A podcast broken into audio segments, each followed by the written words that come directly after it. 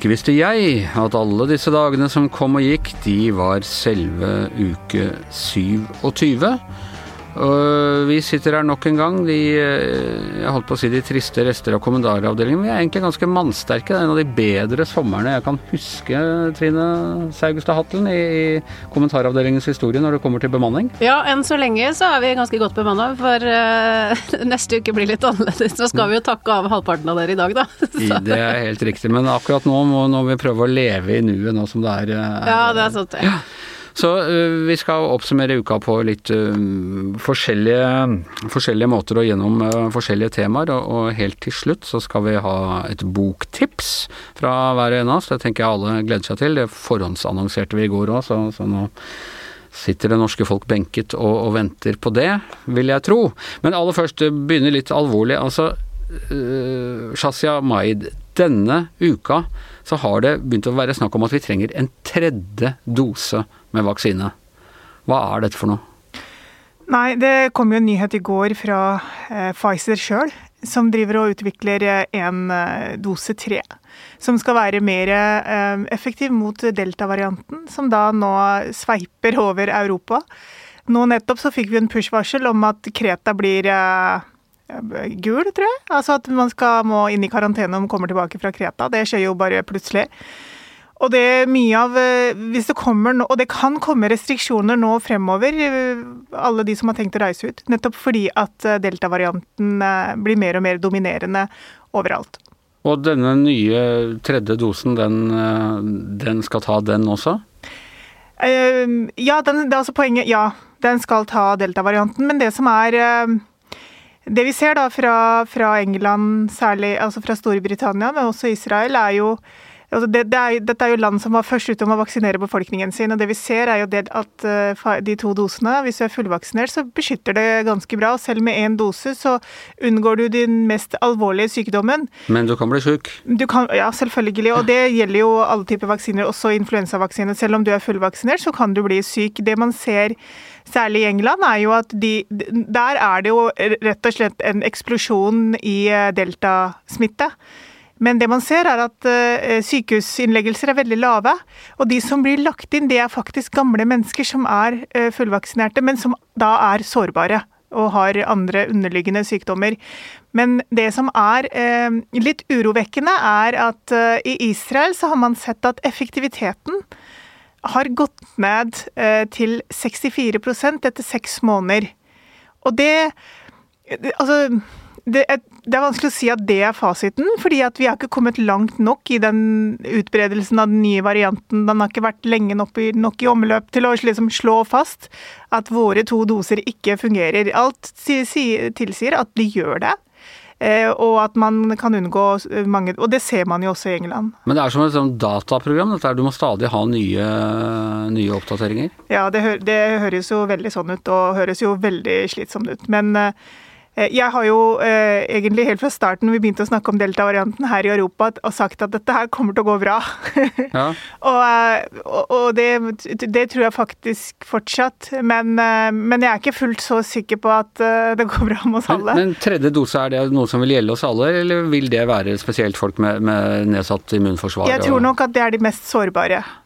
Eh, som har underliggende sykdommer, som allerede er eh, veldig utsatt. At de får en boost Eh, boosterdose, ja. da. Og øh, folk som ellers da har fått én og to doser og sånne ting, de vil være beskyttet etter de samme reglene som det vi har holdt på med til nå? Omtrent, ja. Altså, det som er eh, med delta-varianten, er jo den er hissigere. Og du kan bli sykere. Det så vi jo uh, i India. Og, og den, dette viruset herjer jo vilt uh, i fattige, uvaksinerte land og er uh, ekstremt farlig. Men det vi ser um, her eh, hvor, hvor mange er vaksinerte, er jo at med én dose, Pfizer eller Moderna, sånn som vi har fått, da, så er vi 80% beskytta for de gamle variantene. Um, eh, nei, sorry, 50% var det vel. Men med Delta så er vi 30% beskytta, så vi er jo mindre beskyttet ja. med én dose. Men det man ser Jeg føler liksom at vi blir mindre og mindre beskytta for hver dag som går. Altså, ja, som du liksom har bygget et festningvern, og så bare smuldrer muren opp. Liksom. Men det viktigste her, og som har vært gjenstand for all vår på en måte koronastrategi, er jo at vi skal ha færrest mulig på sykehuset. og det er veldig få på sykehuset med den varianten, og til og med bare én dose. Og Ja. det er det viktigste egentlig å ta med seg, da. Den er i ferd med å bli så ufarlig som eh, mange av skeptikerne mente at den var i utgangspunktet. Jeg vil ikke, vil ikke si det. Nei.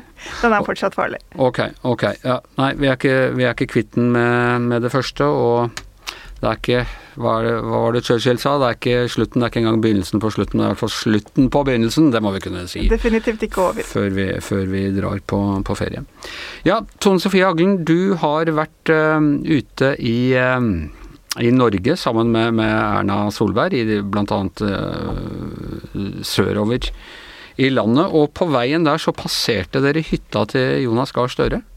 ja, det resulterte til og med i en uh, sak i um, avisa. Eh, vi kjørte noen sånne små, små, eller store vil jeg egentlig si, sånne store ribber fra Tvedestrand til Tromøya, hvor Erna Solberg skulle åpne en eh, festival, og da for vi forbi hans hytte, så det, det var jo litt gøy, da. Han, eh, vi for ikke akkurat diskré forbi heller, for det var et ganske stort følge med en fotografbåt og en journalistbåt og en politibåt som fulgte etter oss, så det var kanskje ikke så rart han la merke til det. Nei, så, men det var liksom omtrent inn på den berømte brygga hans. Jeg tror heller at man prøvde liksom å, å kjøre så langt unna som mulig var, men uh, vi så hytta, da. Ja, hilste han? Sto han og veiva?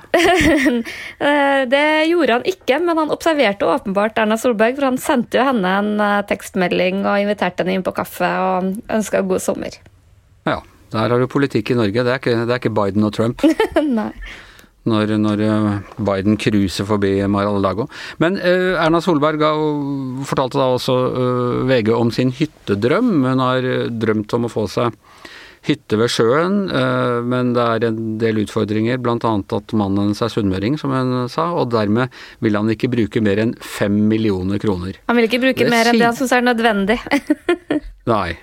Og det sier litt om hva hytte koster eh, i Norge i dag. Altså fem millioner er jo umulig sum å bruke for de aller, aller fleste som er, eh, har mer enn nok på å betale på de allerede overopphetede eh, boligmarkedet i Norge.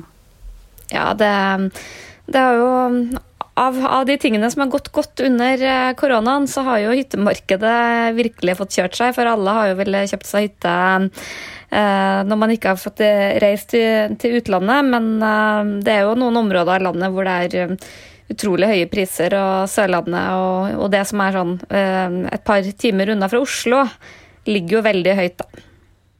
Og vi, vi snakka jo litt om her tidligere i uka òg at det er en trend, eller i hvert fall det er i hvert fall noen som driver og flytter ut av Oslo nå, og øh, koronaen har på en måte gjort arrogante Oslo-folk oppmerksom på at det er et godt liv utafor for bygrensen. Er det også med på, på presset, disse mm, hytteprisene, tror du? Jeg vet ikke det, men eh, jeg tror i hvert fall mange ser for seg å bruke hytta mer som eh, hjemmekontor. Eh, Hyttekontor er jo blitt et eh, eget eh, populært eh, eh, begrep, eh, samtidig med at eh, nå er jeg, jo, er jo veldig spent på om det her er en, eh, en vedvarende tendens, selv om det var noe vi har sett nå. Men, eh, men når, man eh, kan ha mer hjemmekontor og slipper denne daglige pendlinga inn, så tror jeg nok at folk får en, en større radius, i, i hvert fall. Eh, Så jeg må jo si jeg er jo litt spent på hva det her nye kontoret skal bli, hvis alle seniorene skal være på hyttekontor og, og alle småbarnsfamiliene har hjemmekontor i, rundt omkring i, i Viken, så blir det egentlig bare ungdommer og en og annen sjef og, og noen veldig ekstroverte som blir sittende igjen på det her kontoret. Hytta har liksom spilt en ganske stor rolle i denne koronaen. Vi hadde denne hytteskammen i begynnelsen av eh, pandemien, hvor, hvor alle skulle ha dårlig samvittighet hvis de dro på hytta. Og nå er det, eh, nå er det mer hyttedrømmen, kanskje mer i hyttemisunnelse enn en skam. Jeg tror i hvert fall at eh, pandemien har vist hvor mye hytta betyr for nordmenn. Eh, vi så jo det når det var det her hytteforbudet. Og det er jo ikke så veldig rart heller, for det var jo ikke så veldig hyggelig å føle seg innelåst i en eh, stor by under pandemi. Jeg tror veldig mange tenkte at det var en plass hvor man kan føle seg litt mer fri, være nærmere naturen. eh, og pandemien virker litt mer på avstand, da, men så har vi jo fått det her med at veldig mange har investert i hytte. Men jeg er jo også spent på om det er noe som vil normalisere seg. Ja, vi er knytta til hytta i, i, dette landet. En som er særlig knytta til hytta, er jo da Jonas Gahr Støre, som hytta dere har passert. Og uh, valgkampen for, for, fire år siden så ble det noe greier rundt hyttebrygga og, og, sånne ting. Men nå har han gått ut mer på sosiale medier med, med hytta si? Ja da, jeg vil egentlig si at han har kanskje ikke endre, men i hvert fall justert sin sosiale medier-profil. Og jeg merker at han byr litt mer på seg sjøl og prøver å være litt mer eh, morsom. Han eh, la f.eks. ut at han mista den ene airpodsen i, i, sjøen fra brygga og drev og dykka etter den. Og, og, det som liksom virkelig har eh, skapt debatt, da, det var jo når han la ut at han malte utedoen sin. Og reaksjonene på det har jo vært for det første, er det der en utedo? For det var helt åpenbart at det var et, et uh, keramikklosett. Og det andre var at man mente at uh, det så ikke akkurat ut til å trenge maling da, så det blir liksom sånn uansett hva han tar i, så er det noen som klarer å finne et eller annet feil. Men har man funnet ut av det? Er det ordentlig gammeldags hyttedo som må Eh, utedo som må tømmes, for det kan det godt være selv om du har keramikklosett over. Eller eh, har han vannklosett? Det har ikke jeg granska, i hvert fall. Det, I mine øyne så, så det ut som en vanlig do, men jeg har ikke vært inni den. Jeg burde jo egentlig hoppa i land og inspisert det. Ja, vi må, vi må være nøyere på, på, disse tallene. Før i tiden var jo hytta Det var jo i grunnen det som definerte hytta, at det var utedo og helst ikke strøm. Men, eh, men eh, nå, nå, er det blitt krav mer og mer rundt omkring, og det bidrar vel også til disse her hytteprisene. At man skal være knytta til vann og kloakk. Ja. Uh, ok, uh, annen ting som har preget uh, uka, det er fotballen. våre danske søstre ble banka, og er fotballen nå et skritt nærmere å komme hjem, slik vi snakket om tidligere denne uka. Ole Kristian Strøm, både sportsjournalist, nyhetsjournalist, kommentator og utenriksjournalist i VG. Det er i hvert fall klart for finale mellom England og Italia to skikkelige fotballnasjoner der fotballen betyr veldig, veldig mye. Og der er jo, foregår jo da i England, så det er jo kanskje aller viktigst for engelskmennene, som ikke har vunnet noe siden 1966, for 55 år siden. Og har du, Hvem vil du holde med i dette Italia-England-duellen? Jeg får vel holde meg objektiv, vel. Eh, fordi eh, Hvis jeg skal For det er sportsjournalister så gode til å være objektive i sånne saker? ja, du kan så si. Du kan så si. Nei, men altså, det er jo det er mange gode grunner til å elske både England og Italia, syns jeg, i dette, i dette EM. Altså England har en helt annen attitude enn mange tidligere mesterskap, vil jeg si. Og det er jo veldig morsomt at de har et uh, flerkulturelt mannskap. og det har vært veldig ro, og det har ikke vært de store skandalene i uh, engelske tabloider. Og Italia har også framstått veldig positivt. Har, eh, folk elsker jo i og for seg å hate Italia i forbindelse med store fotballmesterskap, men det laget Hvorfor er det sånn? Hvorfor er det sånn? Nei, fordi at det var jo sånn, eh, i hvert fall for en del år tilbake, at de hadde en veldig defensiv eh, spillestil. Eh, og at de da skåra et tidlig mål og deretter parkerte bussen, som det heter. At de da la seg i forsvar og red på den ledelsen og, og vant 1-0. Det var jo ikke så veldig populært. Kan det, kan det minne litt om spillestilen til Norge den gangen da vi gjorde det ganske bra? Eh, det kan minne litt, kanskje, men Norge var jo eh, Det var jo Drillos store, store man, uh, mantra var jo fort i angrep, og det, det kan vel aldri Italia sies å ha gjort tidligere, men akkurat nå i EM så har de jo faktisk stått fram med det òg. Per Olav Ødegaard, du er jo også, jeg vil si, eh, lidenskapelig fotballinteressert. Og, og vi har snakka mye om England denne uka pga. handelsavtalen som vi har fått til med dem. og, og i det hele tatt, Er det en politisk dimensjon ved, ved at, at de nå går til finalen og, og kan vinne for første gang på så lenge? Ja, det vil jeg absolutt si. Altså fotball eh, Det er noen som mener at fotball skal være løsrevet fra Eller idrett i det hele tatt løsrevet fra politikk. Og, men det har det aldri vært, og det er det i hvert fall ikke nå. Eh, og altså fotballen og landslag er veldig e-, egnet til å på en måte skape en form for nasjonalisme og en form for stolthet og ja, patriotisme. da.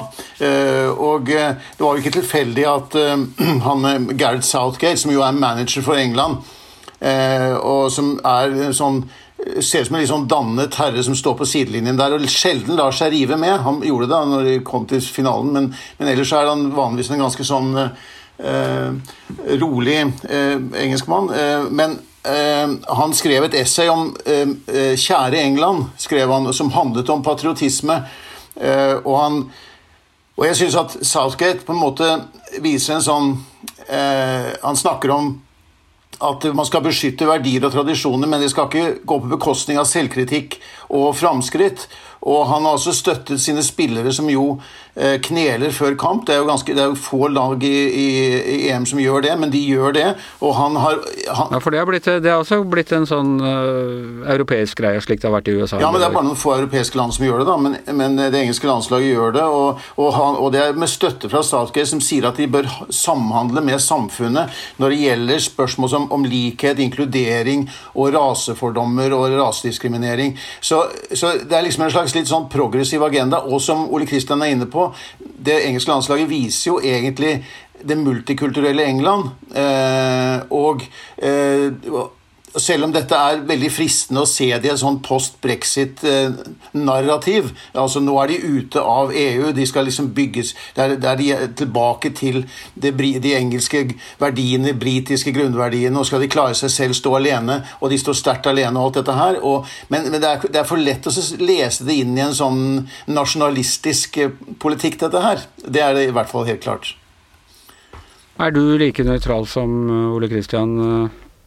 Uh, når det kommer til hvem du holder med, eller kan du røpe det for eh, podkasten? Jeg syns dette her er en veldig, veldig, fin finale mellom Altså, Det er ikke noe land jeg heller liker å reise til enn Italia. Det er det landet jeg helst vil oppholde meg i, og det har noe å si med både kultur og med folk og med mat og vin som de er kjent for. Og så er jeg veldig glad i England for humoren deres, for litteraturen, um, for musikken.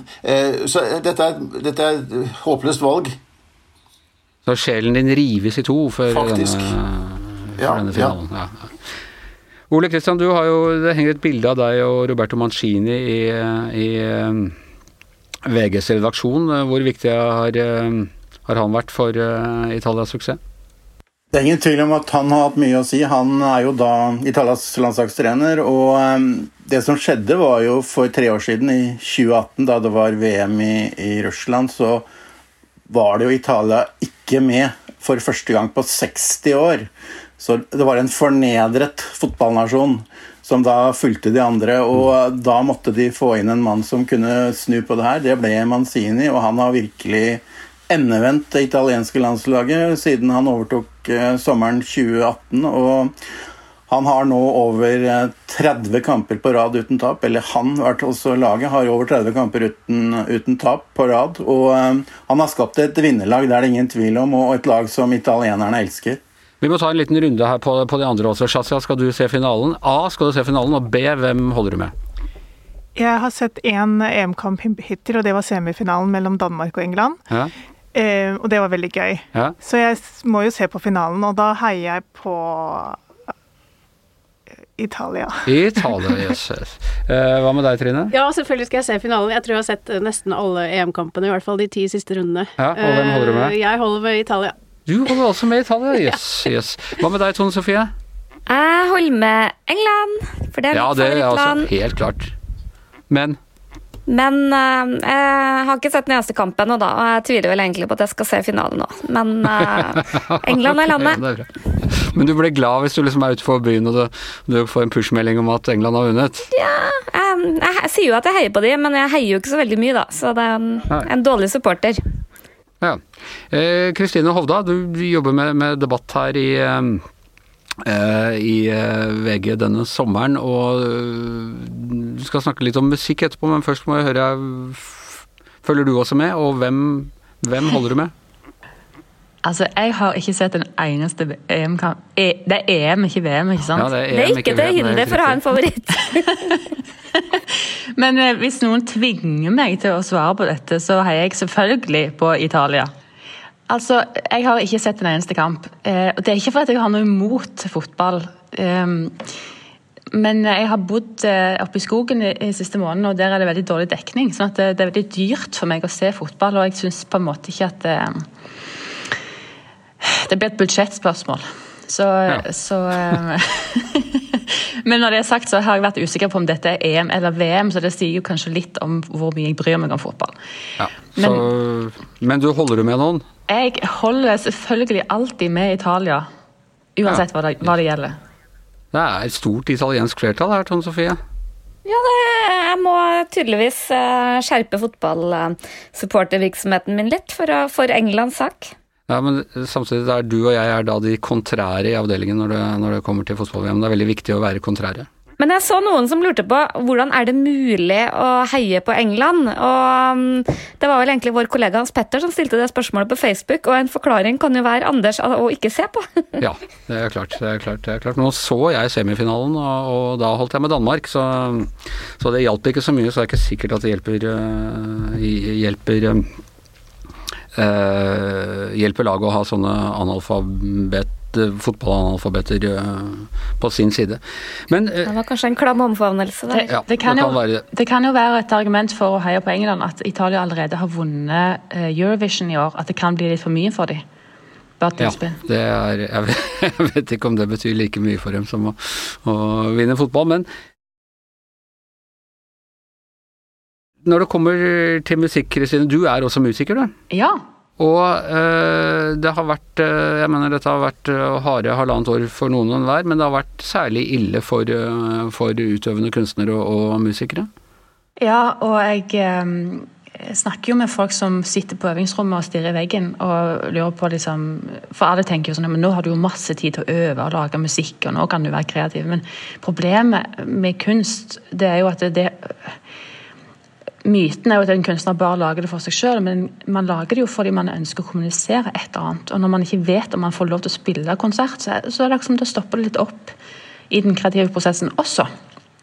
Men det var en stund i begynnelsen var det litt sånne digitale konserter og litt som huskonserten under Ja. krigen, og, og da var det en litt sånn buzz rundt dette her at å, nå finner musikerne nye måter å nå framtida, men den døde litt ut, den. Altså Problemet med det er jo at det, eh, man skal jo prøve å tjene penger også hvis man skal være musiker. og Når musikk bare på en måte blir sluppet gratis på Facebook og, og sosiale medier, så fører ikke det til at folk betaler mer for musikk. Det fører jo egentlig til det motsatte.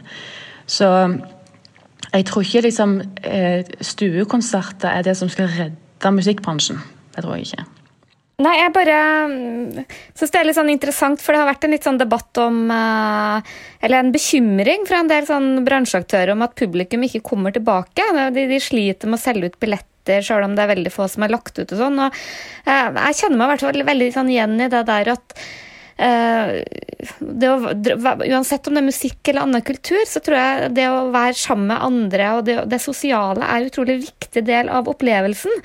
Så du har sittet i en sånn nesten tom teatersal, eller sittet i en kohort på en konsert og ikke få lov til å, gå i baren eller få lov å gå på do omtrent. Det, det er ikke så veldig sånn fristende, så jeg tenker i hvert fall for min egen del at uh, jeg, jeg har lyst til å liksom stå der med øl i handa og prate med folk, ikke, ikke for høyt under konserten selvfølgelig, men det er noe med hele totalopplevelsen da, som forsvinner eh, sånn som det er nå. Og det, det tror jeg eh, både musikerne og også vi som publikum kjenner veldig på. Ja, jeg, jeg husker første strømmekonserten jeg så, sånn, var det 11. mars i fjor. noe sånt. Og Det var en veldig rørende opplevelse. Da satt folk og liksom kommenterte mens folk spilte. og Det var en sånn følelse av at nå er vi i liksom bomberommet sammen, omtrent. Men den følelsen forsvant jo etter hvert ganske fort. fordi at det er som du sier, Tone at det, du vil liksom kjenne den bassen i magen, og du vil kunne snu deg til de du har rundt deg og gi dem en klem og være begeistra, synge høyt sammen. Og det, det er ikke så lett å kopiere på Facebook. det er ikke det altså.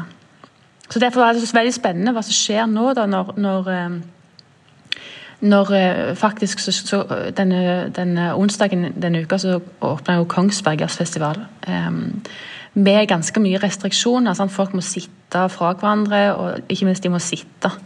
Um, og det kommer ingen utenlandske artister til Norge. Uh, det er bare lokale krefter. Det er mange ting ved dette som gjør at det blir en ganske annerledes opplevelse. Uh, Øyafestivalen denne, i dag faktisk så slapp de konsertbilletter til en slags uh, hva skal man si da, en slags veldig amputert Øyafestivalversjon som, som skal skje i høst, altså i august. da. Men da er det også, altså det, da gjelder det samme reglene, at folk må sitte. Det er maks 1000 publikummere. Og det å se liksom kvelertak når du sitter i ro da, i liksom kohorten din Det blir jo fantastisk, men, men det blir annerledes, i hvert fall. Jeg må si jeg har akkurat bestilt eh, billetter til, til Iggy Pop i Konserthuset til neste år. Og Konserthuset, da må du sitte. Så skal jeg sitte og se på Iggy Pop. Det, det, det, sier noe om uh, alderen òg. Men, men du, du, ser jo da at uh, det er vel Moldejazz neste uke også. Det virker som jazzfestivalene er Altså Eh, jazzpublikummet de er litt mer vant til å sitte og klappe litt høflig og høre på musikken enn rockepublikummet som beveger litt mer på seg? Ikke minst så er de eh, jazzmusikere vant til å spille for et mindre publikum enn rock og pop. Eh, og konsertbilletten jazzsjangeren har vel nå skal jeg passe på å si noe som ikke er sant, men jeg, jeg tror det har vært litt generelt høyere billettpriser på jazz, så at det går an å holde mindre konserter. Så um, det gjør jo at det ikke det, det, det, går an å gjennomføre i et litt sånn lettere omfang enn som f.eks. pop og rock. Der veldig mange av årets festivaler er blitt avlyst over en lav sko. Men uansett, vi er i gang igjen. Altså, det, er, det er eh, musikkfestival denne uka, det blir musikkfestival neste uke. Det nedtonede Vi er på, vi er på vei tilbake, det, det, må vi kunne si. Og så må jeg få fortelle at eh, Erna Solberg eh, dansa faktisk til rumpa mi på DDE-konsert i Arendal, og det tror jeg må være årets vakreste skue ja. Og vi kan se på i VG. Ja, ikke sant. ikke sant. Det ligger på, på, på VGTV-en. Ok, før vi runder av, vi må ta en liten runde til på sparkesyklene, Trine, som er eh, din og min kjepphest. Ja, ja det, nå tror jeg egentlig at det er Shazia som har aller best kontroll på akkurat hvilke, hva som har skjedd i løpet av uka her. Men det jeg i hvert fall har fått med meg, det er at de aller fleste leverandørene, altså, eller aktørene, nå har innført sånn nattesforbud, at man ikke kan kjøre på natta. Det er bare én aktør som fortsatt har sparkesyklene tilgjengelig på natta, og de har visst en sånn promilletest på seg, okay. som du må uh, VG hadde jo jeg hadde et innslag med noen folk som begynte å kjøre, gå ned fra Bygdelokket og skulle gå inn på E18, to stykker på en sparkesykkel eh, midt på natta her. Ja, det tror jeg ikke er noe uvanlig i det hele tatt, eh, eh, villmannskjøringa på natta. Men det er i hvert fall, det høres jo ut som et veldig bra tiltak det å slutte med den natteskjøringa. For det denne uka her, det vi snakka om denne uka her, var jo på en måte alle skadene som legevakta sliter med på på kveldstid veldig mange fulle folk som skader seg mellom 11 og 12 på kvelden, eh, som jo er veldig dramatisk. Så kjempebra at vi har fått tiltak mot det, men eh, for, altså for vår personlige irritasjonsdel så er jo ikke det her altså det Vi er jo ikke ute på natta, Anders, så vi er jo bare Så for vår del så er det jo det der med liksom villmannskjøringa på fortauet som vi egentlig vil til livs, da. Så der får vi se, Shazia, har du noen gode nyheter til oss? Er det Kommer det noen tiltak eh, som kan begrense det? Det kan komme tiltak til høsten. Eh, fordi at Oslo kommune ønsker jo å stramme inn, og det er ute på høring. Og mest sannsynlig så blir det eh, forbud nattestid mellom ett og fem. Kanskje blir det noen endringer i tidsrommet der. Og så ønsker de å regulere antall sparkesykler ute i verden, i hvert fall i Oslo. Så det, der vil de sette et tak på 8000. Eh, sånne elsparkesykler. Hva med sykling på fortauet? Uh, nei, det tror jeg ikke jeg har lest noe om, at det skal være noe uh, der. Men med dette med opprydding og sånt skal de bli strengere på. Så denne uken så kom det jo nyhet om hvor mange som blir skadet, og jeg må jo si at jeg ble jo sjokkert over antallet Altså hvor mange det er, og, hvor, og man, man, tenker jo ofte ikke sant, hodeskader, alvorlige skader, varige men hvis du ikke kan gå lenger, men her er det jo veldig unge mennesker som da eh, får store ansiktsskader. Og ikke sant, må leve med det resten av livet. Så de på eh, Oslo universitetssykehus, den pressekonferansen var eh, så full av dramatiske ord og vendinger at jeg ble jo ordentlig redd for ungdommen og hvordan det foregår. Og så er det jo ikke en dag nesten uten at vi får høre at en eller annen har blitt alvorlig skadet.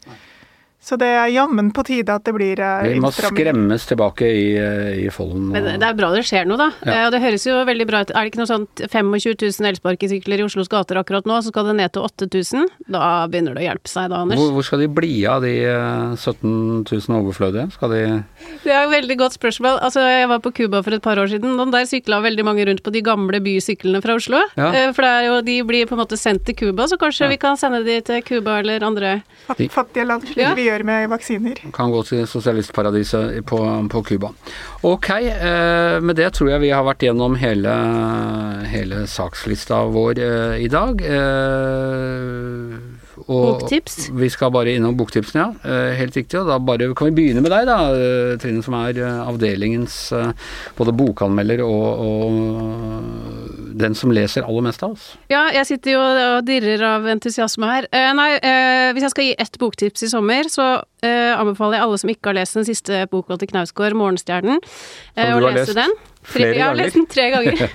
Den kom riktignok i sånn september-oktober i fjor, men nå har den kommet i pocket nå til sommeren, eh, og den er altså helt fantastisk. Jeg har kjøpt den i sommergave blant annet til Hanne Skartveit, vår sjef, og jeg fikk en tekstmelding fra Hanne i går hvor det sto 'Nå har jeg lest ferdig Knausgård. Fantastisk. Tusen takk'. Og det er den responsen jeg får fra alle jeg gir, det, gir den boka til, eller ja, nydelig bok. Da tar vi den som tips fra, fra Hanne i Absentia også. da. Ja. Shazia, hva er ditt eh, Kan man tipse om egen novelle? Nei, det går kanskje ikke. Det blir Eh, man kan, men det er eh, kanskje Jeg skal la være å tipse om egen novelle. Ja. Men eh, ja, det er eh, en engelsk sakprosabok som heter Why We Sleep.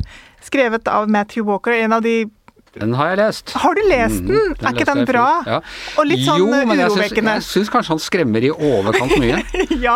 Testiklene dine ble ødelagt og sånne ting. ja, og du kan bli psykotisk, nærmest Ja. og deprimert. Ja, men det kan du jo. Ja, og det er jo forståelig, men også at hvor mange sykdommer som er forbundet med dårlig søvn. Og vi sover jo dårligere og mindre vår generasjon, da, og med denne mobilen i senga og Nei, det, jeg, jeg ble veldig klok av det. Og så syns jeg det som jeg syns var interessant, var dette her med at du, du er født A- eller B-menneske. Det er ikke noe du velger å være. Nei.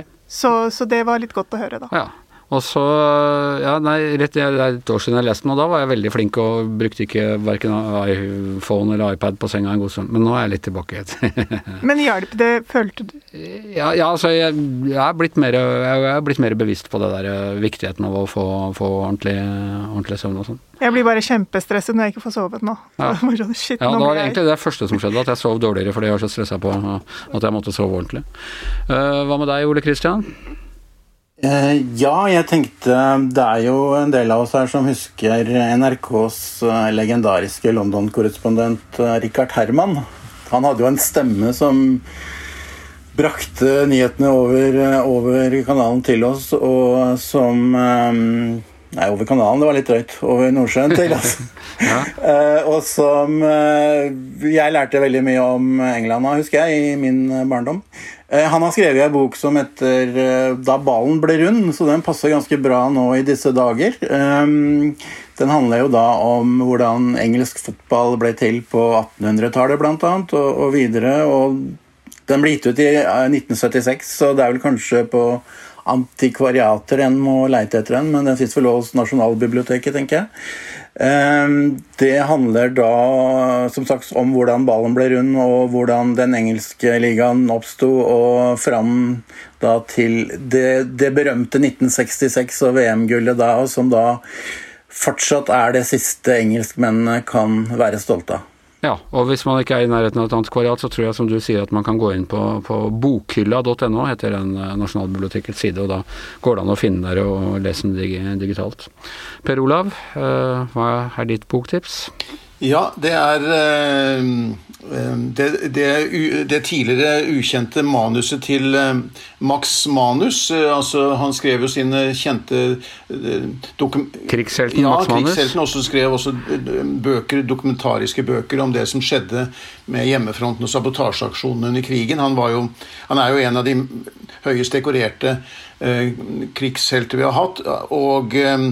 Kjent for mange av disse sabotasjeaksjonene osv. Men han skrev også, uten at eh, andre enn familien visste om det, et eh, romanmanus som eh, foregår i Oslo. Den skrev den i 1948, og den handler om Oslo i 1948. Og det er disse som hadde fått den tunge plikten, oppdraget, å utføre likvidering av nazister i Norge. Dette var folk som fikk opplæring i, i England. og og som da skulle likvidere angivere, norske angivere og torturister og andre eh, under krigen. Og det var jo en hel del slike saker. Eh, de utførte disse oppdragene. Og så er det, følger det en gruppe mennesker etter krigen. Eh, Max Manus sa jo selv til sin familie at han sa han var heldig som slapp å, å likvidere noen, men at han kjente flere som måtte ta den jobben. Um, og eh, Selv om dette er en roman, da, så er det åpenbart at han, det bygger jo liksom på de, den, den, de historier han kjenner godt. da. Og eh, Det er en ganske sånn mørk og det er litt sånn som i dag ville blitt beskrevet som litt sånn Nordic noir, egentlig. Altså Oslo 1948, eh, med folk med posttraumatisk stress, åpenbart vanskeligheten med å tilpasse seg liksom, det samfunnet som var etter krigen. Og liksom et ganske annet bilde enn det vi tenker på liksom etterkrigsårene med, ja, med samhold, gjenoppbygging, eh, solidaritet liksom alle og det, så, så, for meg, det er mest interessant som et sånt tidsbilde, syns jeg, eh, enn akkurat sånn litterært. Men veldig ja, spennende. Tone Sofie? Ja, da skal vi til eh, Skottland. Til en eh, bok som heter Suggarbane, som er skrevet av eh, Douglas Stewart. Um, det er vel det eneste. Å, den leste, har jeg lest, og den er forferdelig Ja, den er uh, forferdelig trist, men også forferdelig bra uh, og, og, god. Ja, den er det. Og det, er jo en litt sånn, litt sånn klassisk uh, roman med en litt annerledes gutt som vokser opp i et hjem hvor far er fraværende, dårlig far, mor drikker. Um, veldig sånn dirty realism-sjangeren, hvor du liksom lasser på med, med legger, legger, ikke skjul på de skitne delene av eh, livet. Det er litt sånn Amalie Skram, Sellemyrsfolket, at uh, mor drikker og far slår, og ungen hoster blod, hva skjer? Det er, liksom, det, er, det er, nok sånn elendighet, men det er også utrolig sånn vakkert beskrevet i forhold mellom mor og sønn og, og den gutten. Så det, det er bare ei bok som er I hvert fall den største leseropplevelsen jeg har hatt Eh, det, det siste året. Og en, en film, nei, film, en bok også på mange måter om livskraft, da. Fordi han, eh, han, overlever jo eh, dette her. Ja, og det høres jo veldig elendig ut, men det er på en måte ikke det heller. Det er liksom Nei. litt sånn humor og, og sånn oppi det òg, så ja, en av, hva tror jeg fikk Booker-prisen og en av de store litterære sensasjonene. En knyttneve av en roman skrev vår flinke bokanmelder Sindre Hovdenak og ga terningkast seks. Kristine, har du noen bok du vil anbefale? Jeg har jo eh, også lest uh, 'Morgenstjernen' av Knausgård, um, og, og, likte den veldig godt. Men problemet med å lese sånne bøker er at når du bor i skogen, så er det plutselig sånn, kan du bli mørkeredd, rett og slett. Så jeg, jeg Er den skummel, den til Knausgård? Er det, det spøkelser altså, det, sånn? det, er ikke akkurat spøkelser, men det er de skumle ting som foregår i en skog der. Så, så jeg har vært nødt til å kompensere med å lese altså det vil si at Jeg har venninner som sender meg sånne fine bokside. da Hun leser en karmelittmunk som heter Wilfred Stinissen. 'Hører du vind blåse' det er en klassiker innenfor sånn kristen, uh, mystisk, åndelig litteratur. da. Mm. Og eh, det Stinissen sier, er egentlig at det, alt det her snakk om Den hellige ånd, som for mange virker veldig sånn mystisk, det handler egentlig om kjærlighet. Okay. Så han skriver veldig vakkert om Du blir ikke redd for Den hellige ånden når du sitter alene på hytta i skogen? Det hadde jeg blitt. Disse åndene som flyr rundt, de, de, ja. ja. det er helt sant. Men det er betryggende da at, at Stinesen mener at dette egentlig handler om kjærlighet, og at vi er tettere forbundet med hverandre enn man kanskje skulle tro. Hva het boka, sa du? 'Hører du vinden blåse'. Hører du vinden blåser, ja. Så det anbefales. Okay. Ja, og den er ikke skummel? ikke foreløpig. Og så Anders, så må vi ikke glemme deg, da. Du må, har, du, har, du, et boktips? Ja, jeg er midtveis igjen nå, som rett og slett er eh, Quentin Tarantino. har eh, bok, eh, Filmregissøren har bokdebutert og skrevet en bok som heter 'Once Upon a Time in Hollywood', som da er bygget på hans forrige film, 'Once Upon a Time in Hollywood', som kom for tre år siden. Og den er på en måte litt parodi på den type sånne bøker som ble laga etter populære filmer på, på 70-tallet, sånn Pulp Fiction. Pun intended. Uh, og på mange måter så følger den historien fra Once Upon a Time in Hollywood, men så forteller den på en litt annen måte fra litt andre vinkler. Uh, litt andre. Så den er, jeg må si, veldig underholdende, og for meg da veldig passe uh, sommerlitteratur. Jeg nevner én til også, siden jeg er programleder her. og det er at jeg har lest den som heter Say Nothing, uh, som er um, en hva skal vi si, en true crime. Rammen er en true crime fra Nord-Irland uh, om en tibarnsmor som ble kidnappet av IRA i, tidligere på 70-tallet. men det er egentlig bare rammen for å fortelle om the troubles, altså om hele konflikten i Nord-Irland som blusset opp igjen i 1969. Fulgte meg gjennom hele min barndom barndom og, og oppvekst og fram til uh, The Good Friday Agreement, uh, som kom da på, på slutten av 90-tallet, og litt om tiden etterpå. Og Veldig interessant og veldig bra researcha og veldig bra fortalt. Og så vunnet noen priser i det siste? Ja, det er også en av de Litt som Shuggy Bane vært en av de store, store liksom, sånn, prisvinnerne. Christian, har du noen har du noen boktips borti der du også, eller? jo takk. Jeg kan varmt anbefale Fordlandia en, en bok om uh, Henry Fords forsøk på å bygge en by midt i Amazonas med det formålet å uh, kultivere gummi på en så effektiv måte som mulig. Det gikk ikke fryktelig bra. Det er, det er en grunn til at den byen ikke var en host for uh, VM i Brasil 2014. Roman eller en slags dokumentar? Det er en dokumentar. Supert. Da burde vi ha, dere ha nok å, å lese på gjennom uh, sommeren, men glem likevel ikke å høre på uh, Uh, Gjever og gjengen, som kommer hver eneste hverdag uh, gjennom hele sommeren. Uh, neste uke er det Per Olav Ødegaard som er programleder, eller hva det heter her på podkastvennen. Heter det programleder da? Pod, ja, det ja. Podleder? Pod, Et eller annet sånt. Vi, vi, vi, trenger en ordentlig yrkesbetegnelse, vi som driver med dette. Men vi er over for denne uka. I hvert sitt hjemmestudio Ole Kristian Strøm, Per Olav Ødegaard, Tone Sofie Aglen, Kristine Hovda. Og her i studio Trine Saugstad Hatlen, Shazia Mahid. Jeg heter Anders Giæver og vaktsjef og teknisk ansvarlig og produsent er Christian Konglund. Vi høres igjen, eller ikke vi da, men dere kan høres igjen neste uke.